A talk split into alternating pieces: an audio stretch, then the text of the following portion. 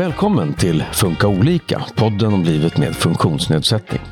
Internet har öppnat upp helt nya möjligheter. Samtidigt oroar sig många över utvecklingen. För vad vet vi om hur barn och unga påverkas av att spendera allt mer tid med en skärm? Vi pratar med Elsa Dunkels som forskat om barn och ungas nätanvändning i över 20 år. Jag heter Susanne Smedberg. Det här är det första programmet om skärmanvändning. Vi kommer att ta upp digital delaktighet bland personer med funktionsnedsättning, hur unga med neuropsykiatrisk funktionsnedsättning som autism och ADHD använder skärm och hur unga med intellektuell funktionsnedsättning använder skärm och internet. Men vi börjar med skärmanvändning bland unga generellt, utan fokus på funktionsnedsättning. Välkommen Elsa Dunkels! Tack! Du är docent i pedagogiskt arbete och har forskat eh, om ungas nätanvändning sedan slutet av 90-talet. Mm, stämmer. Vilka skulle du säga är de stora skillnaderna idag jämfört med för 20 år sedan? Ja, det är ju ganska mycket. Dels har vi det här med att det är fler som använder. Väldigt, väldigt många fler. Man, man eh, ja, men räknar med nästan 100 procent eh, täckning i Sverige när det gäller unga. Ehm, lite mindre när det gäller äldre. Men, ehm, men sen är det här, om man tänker på användningen, så har vi inloggade mötesplatser nu som man inte hade för 20 år sedan.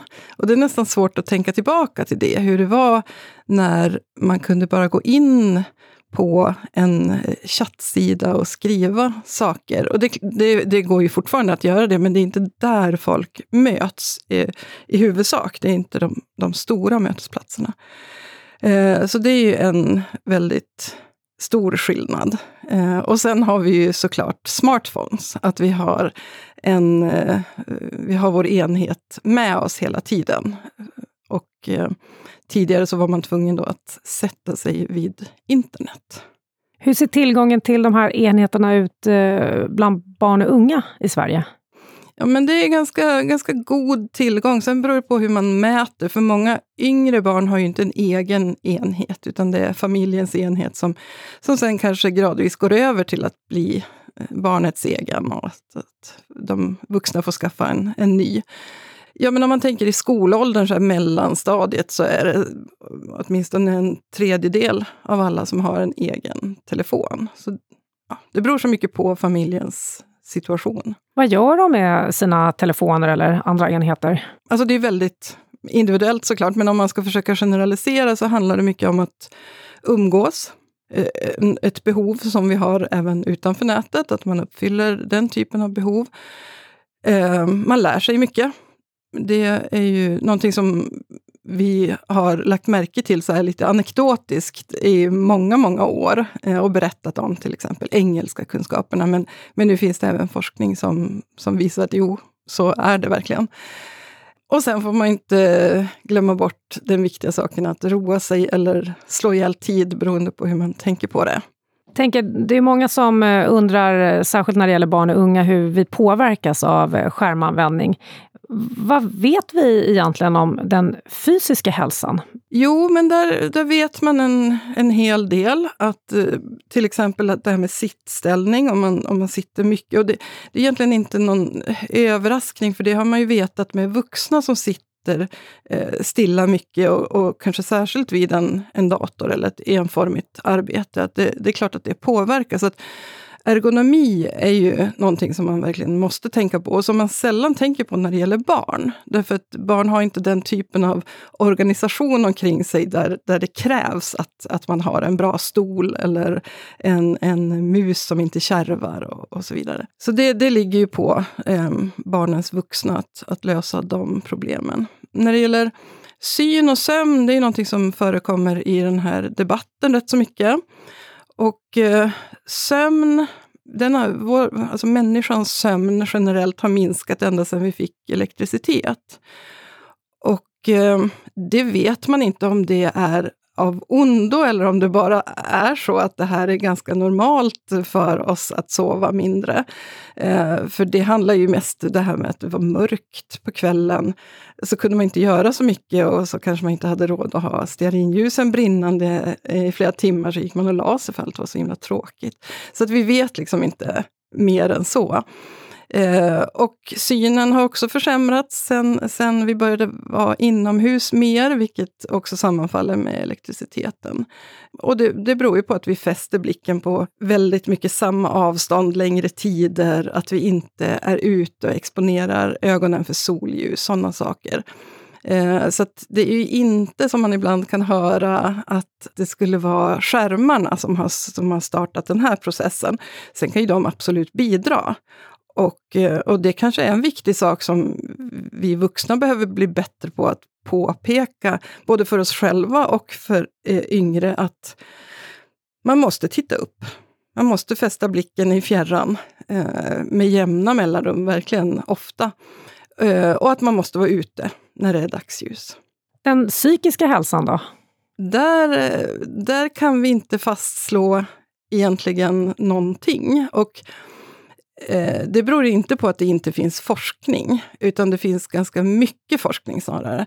Eh, och det finns till och med forskning som har medvetet försökt visa att det är dåligt för den psykiska hälsan att vara på sociala medier till exempel, eller, eller spela spel mycket. Eh, vissa menar sig kunna visa ett samband, men de kan inte visa på riktningen. Det kan ju vara så att den som sitter extremt mycket och spelar ett spel gör det för att komma undan ifrån en ohållbar situation i skolan, till exempel. Och då är ju sambandet ett annat Eh, än det man eh, förutsätter. Så att där tror jag att vi, vi, vi skulle kunna bara eh, bestämma oss för att sluta diskutera den saken på det sätt som vi gör idag. För att eh, vi kommer inte ens i framtiden att kunna visa på om sociala medier är bra eller dåligt för eh, den psykiska hälsan. Utan det vi kommer att kunna visa, det är väl mest troligt sånt som vi redan känner till. Att det är inte bra att bli utsatt för kränkningar. Det är inte bra att känna sig hotad, att känna sig utanför. Men däremot så är det bra att hitta ett sammanhang där man blir förstådd, eh, där andra vill en väl och där man har roligt och kanske uppnår saker. För det är ju en ganska viktig ingrediens i spel. Att man klarar av grejer och ens eh, lagkompisar eller klankompisar säger Fasen vad bra du var i, idag. Och, och, så växer man lite av det. Så den typen av eh, skärmtid kommer ju alltid att vara bra för oss. Det finns ju ändå en ganska stark föreställning om att just sociala medier eh, triggar uh, unga människor att må dåligt. Man jagar likes och uh, den här kroppshetsen som förekommer. Finns det ingenting av det som stämmer? Jo, det gör det ju, men det handlar ju så otroligt lite om sociala medier i grunden. Vi måste arbeta emot de här föreställningarna om att man får bara se ut på ett visst sätt eller man får bara uttrycka sig om man uppfyller vissa kriterier. Jag tycker snarare att det här blir en chans för oss som är vuxna och inte har vuxit upp i den här miljön att, att ta de där svåra samtalen. Eh, både för att stärka den som, som eh, tycker att det är jobbigt att se andra, men också för att kanske förändra. Att vi kanske kan uppmuntra eh, unga, fler unga i alla fall, att, att ha e, en annan typ av konton. Där de inte försöker uppnå de här idealen, där de istället utmanar dem. Och sådana konton finns ju i mängd. Alltså, det finns många små sätt att utmana de här destruktiva normerna som, som allt det här bygger på. Så det är klart att de, får, de här destruktiva normerna och kroppshets och så vidare, det får stor spridning via sociala medier. Men jag är inte säker på att det fick mindre spridning förr heller. När man hade stora reklampelare med Anna Nicole Smith i bara underkläderna. Alltså det var, det var en annan tid, men den var nog ännu mer eh, sexistisk och kroppsfixerad. Och det fanns ännu mer kvinnohat, funkhat, transhat. Så vi får inte stirra oss blinda på det. Det här med att uh, umgås mer online än att träffas i verkligheten, så att säga. Är det ett problem? Nej, det behöver det absolut inte vara. Det kan ju vara tvärtom för en del att det är jobbigt att mötas öga mot öga. Folk eh, vill titta en rakt i ögonen eller folk vill ta i en. Eh, och om man inte tycker om det så är det ju fantastiskt att umgås eh, över nätet.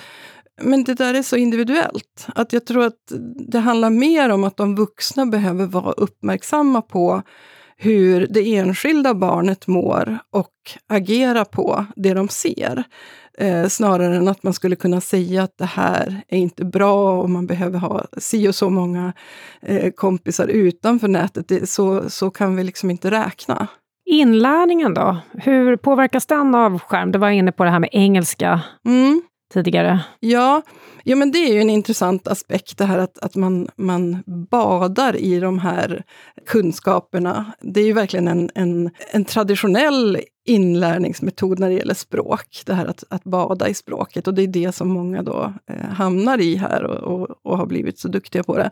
Men även helt andra saker för att man kan få ett intresse och sen kan man ägna sig åt det timme efter timme efter timme och titta på klipp där någon gör någonting och till slut så lär man sig det själv. Så, men, men det är liksom en, ett sidospår, tror jag, eh, de flesta nog tänker, att det inte är det som är det viktigaste, utan det, det viktigaste är väl mer skolan, då, hur funkar det? Och eh, självklart så påverkar all ny teknik som vi för in påverkar lärandeprocessen. Det har all ny teknik gjort. Det gjorde ju boken, då behövde man inte lära sig utan till. behövde inte läraren stå och, och rabbla och så skulle eleverna upprepa. Eh, så då försköts det lite grann. Miniräknaren ändrade ju matteundervisningen ganska radikalt. Så att, eh, det blir förändringar, eh, ibland förluster. Men jag tror att de flesta av oss ändå kan enas om att det är acceptabla förluster när det handlar om att, att man har utvecklats på ett annat sätt. Föreställningen om att eh, det påverkar eh, barn och ungas koncentration att använda mobiler till exempel. Vad säger du mm. om det? Ja, men det beror helt och hållet på vad man gör då med mobilen. Det, jag tror nog inte att det finns särskilt många inom utbildningsväsendet som menar att man ska ha eh, fri användning av eh, digitala enheter i alla lägen, utan det handlar ju mer om hur ser den pedagogiska användningen ut och hur kan eh, den som leder undervisningen rama in det här så att det är någonting positivt. För att koncentrationen kan ju gå åt båda hållen. Man kan bli distraherad därför att man har eh, notiser på som plingar in hela tiden. Men man kan också bli enormt koncentrerad och uppslukad av ja, men till exempel det här som jag nämnde med klipp från eh, någonting som man är intresserad av eller någonting man behöver lära sig. Så där är det samma sak, det är ingenting i mobilen i sig som, är, eh, som pockar på uppmärksamhet, utan det är ju de här apparna som har som defaultläge att det ska komma notiser, är ju en, en viktig ingrediens. Och det måste vi lära oss att förhålla oss till. Vi måste eh, prata med varandra, vuxna, men vi måste också prata med unga om att ja, men eh, det kanske inte är nyttigt för alla att ha sådana notiser. Och för andra så kan det vara viktigt att ha notiser från till exempel eh, eh någon i ens närhet som man vet mår dåligt.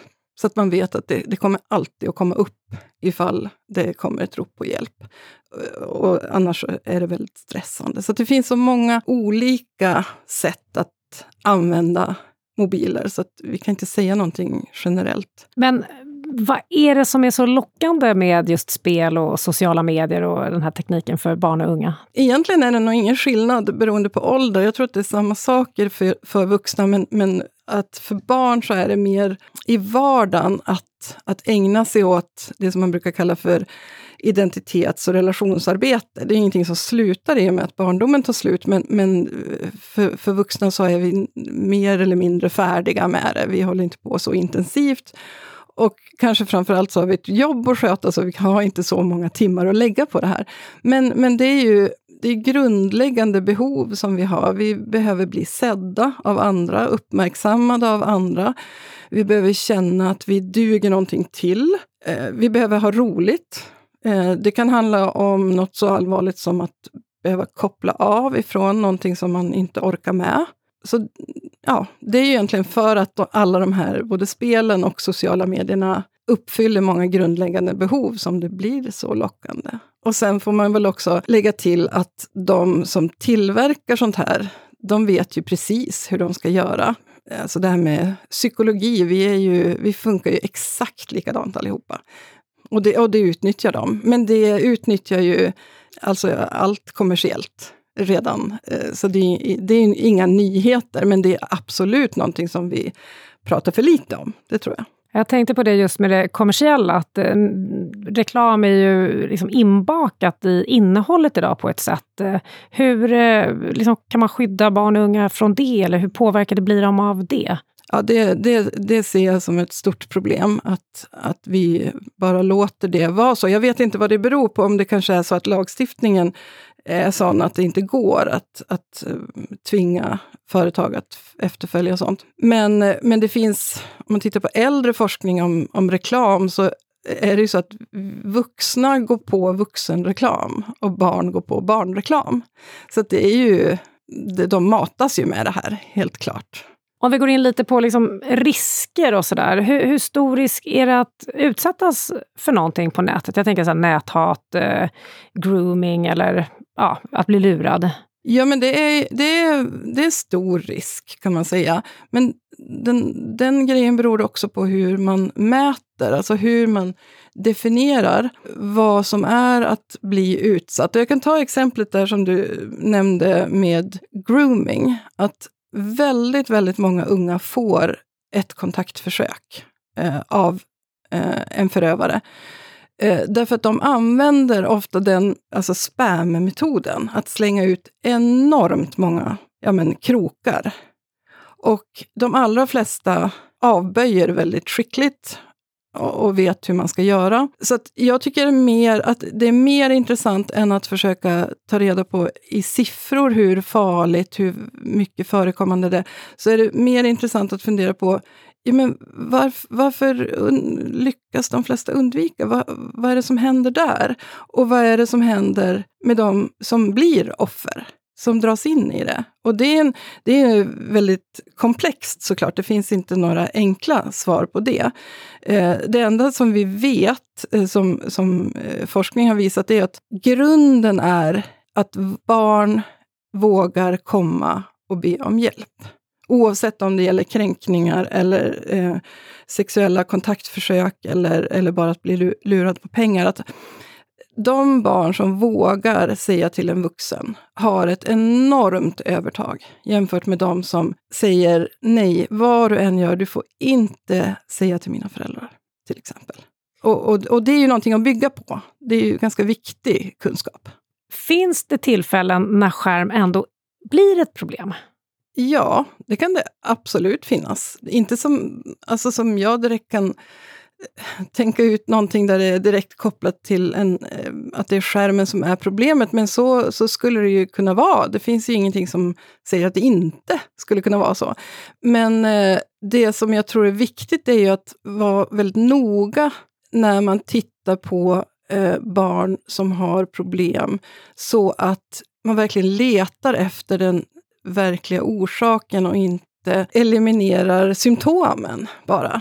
För att jag har väldigt svårt att tänka mig att det skulle vara till exempel ett spel som är orsaken till att ett barn missar skolan. Jag tror snarare att det är någonting annat som, är, som inte är bra i det barnets liv och, och då måste man ju hitta det. Och, och det, det är det som egentligen är den stora risken med hur samtalet eh, i offentligheten ser ut idag. Att vi är så fixerade vid det som är nytt och, och, och, försöker lägga skulden på sociala medier eller spel eller tidig skärmanvändning. Så att vi, vi just missar att leta efter de verkliga orsakerna. Jag tycker till exempel stillasittande är en sån grej.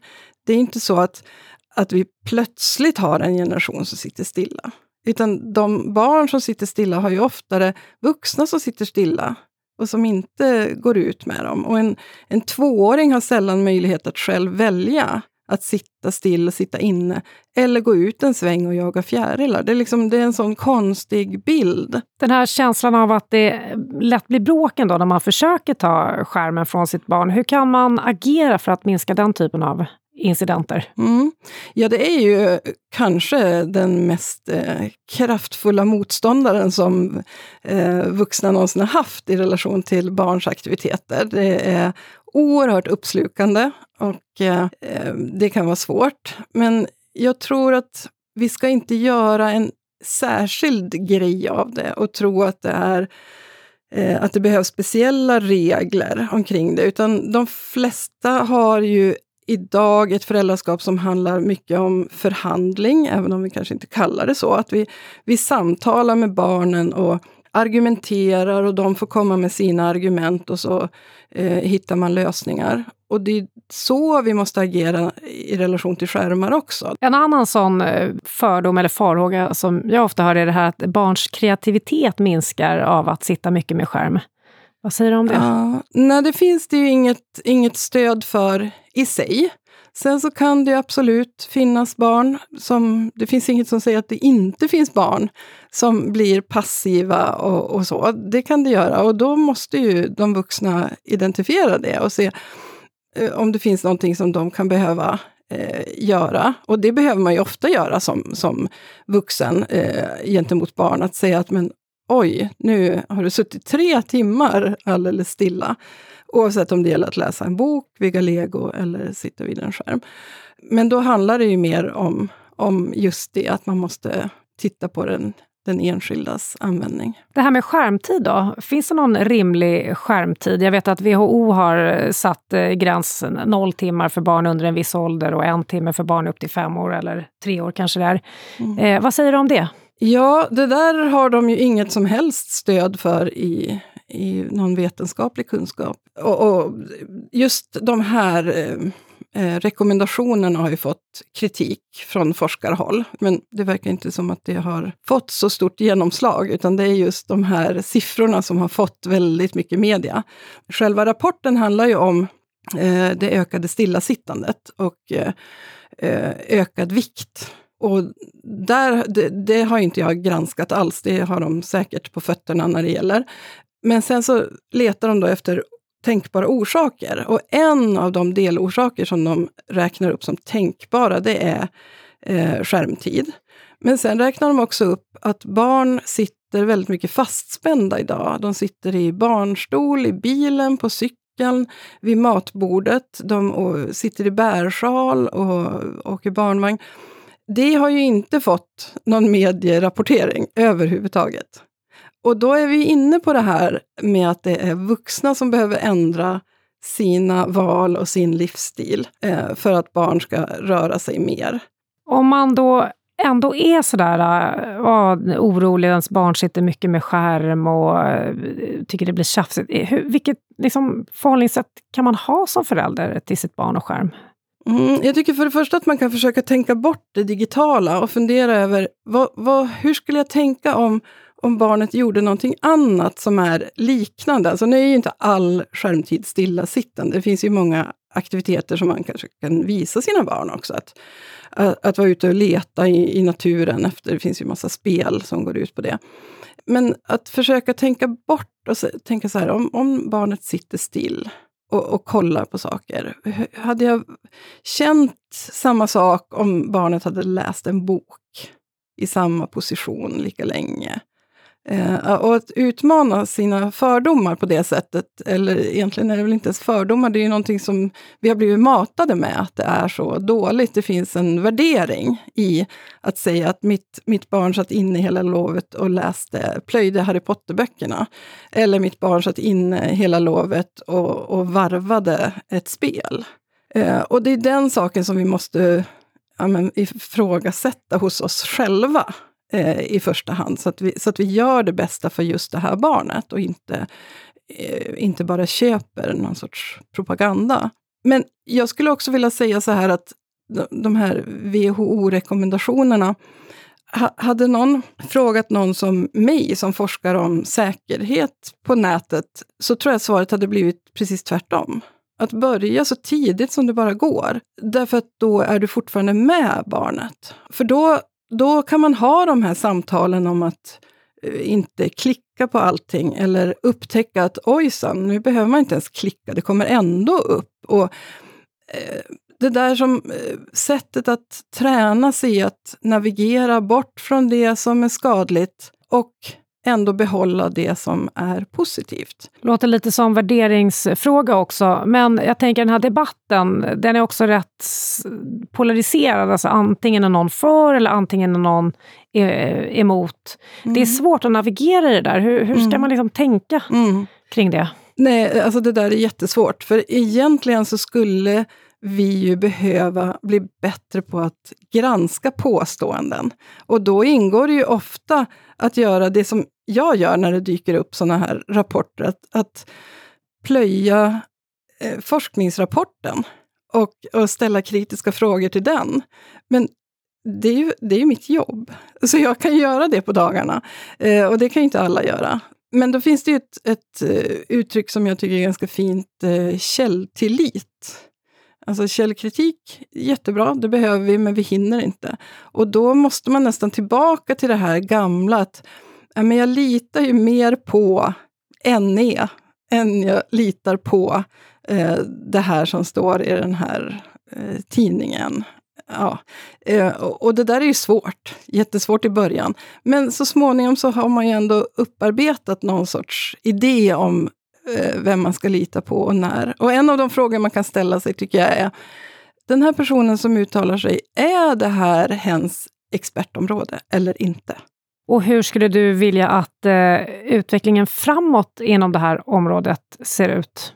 Jag skulle vilja att vi hade mer, att vi tittar mer på barnens upplevelser och, och, att vi gör det på ett seriöst sätt. Seriöst försöka ta reda på mer. Hur, hur känns det här? Hur, Eh, hur kan vi hjälpa till för att fler barn ska få det så bra som det bara går? Och där är vi inte riktigt än. ska säga också att du har skrivit en bok som heter eh, Skärmstark, en handbok för eh, vuxna om unga och skärmar. Ja, men den, den handlar egentligen om det här som vi har pratat om, kan man säga, fast lite mer på djupet. Mm, tips för dig som vill eh, höra mer eller läsa mer av Elsa. Och därmed säger jag stort tack till dig, Elsa Dunkels, eh, eh, docent i pedagogiskt arbete. Tack för att jag fick komma. Du har lyssnat på Funka olika, en podd från Habilitering och hälsa som är en del av Region Stockholm.